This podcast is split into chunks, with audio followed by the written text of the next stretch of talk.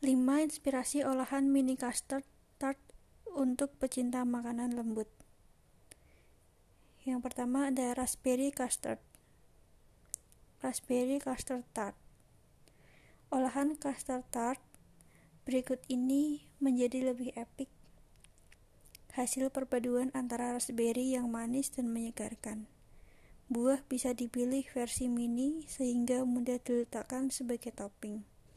Sementara itu, kulit tart dapat diolah sendiri dengan menggunakan bahan baku berupa tepung, terigu, mentega, serta susu. Yang kedua ada lemon custard tart. Salah satu olahan mini tart manis sekaligus asam yang khas bisa didapatkan melalui variasi lemon custard tart. Rasa tersebut bisa didapatkan dengan menambahkan lemon juice serta parutan kulit lemon ke dalam filling.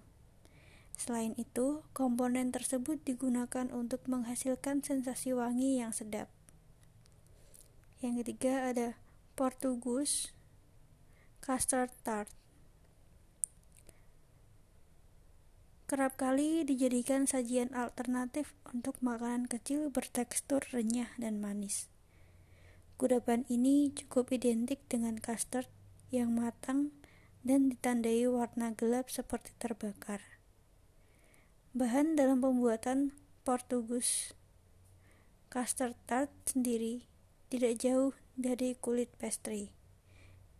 Isiannya pun terdiri dari kuning telur, gula, susu, serta tambahan sedikit kayu manis untuk mempertajam rasa.